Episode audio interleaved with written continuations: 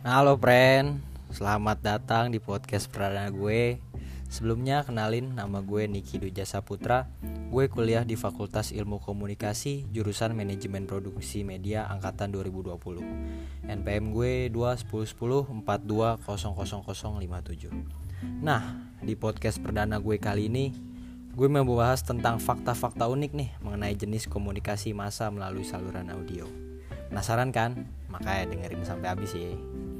Oke, jadi kali ini gue mau bahas soal fakta unik dari radio dan podcast. Hmm, fakta unik dari radio. Radio ini banyak banget salurannya. Ada yang bahas dangdut, semangat pagi, kemudian masih banyak lagi kan.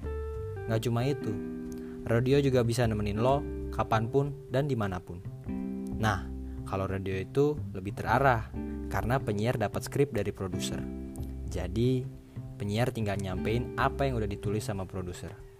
Eh tapi ada juga saluran audio yang gak kalah keren dong. Apalagi kalau bukan podcast. Zaman sekarang podcast tuh udah berkembang banget.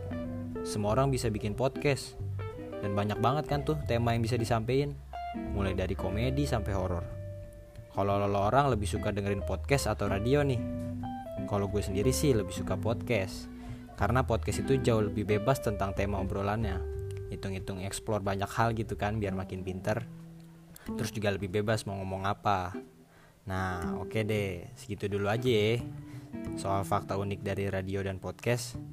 Nah pokoknya jangan lupa jaga kesehatan dan yang terpenting jangan lupa bahagia. Dadah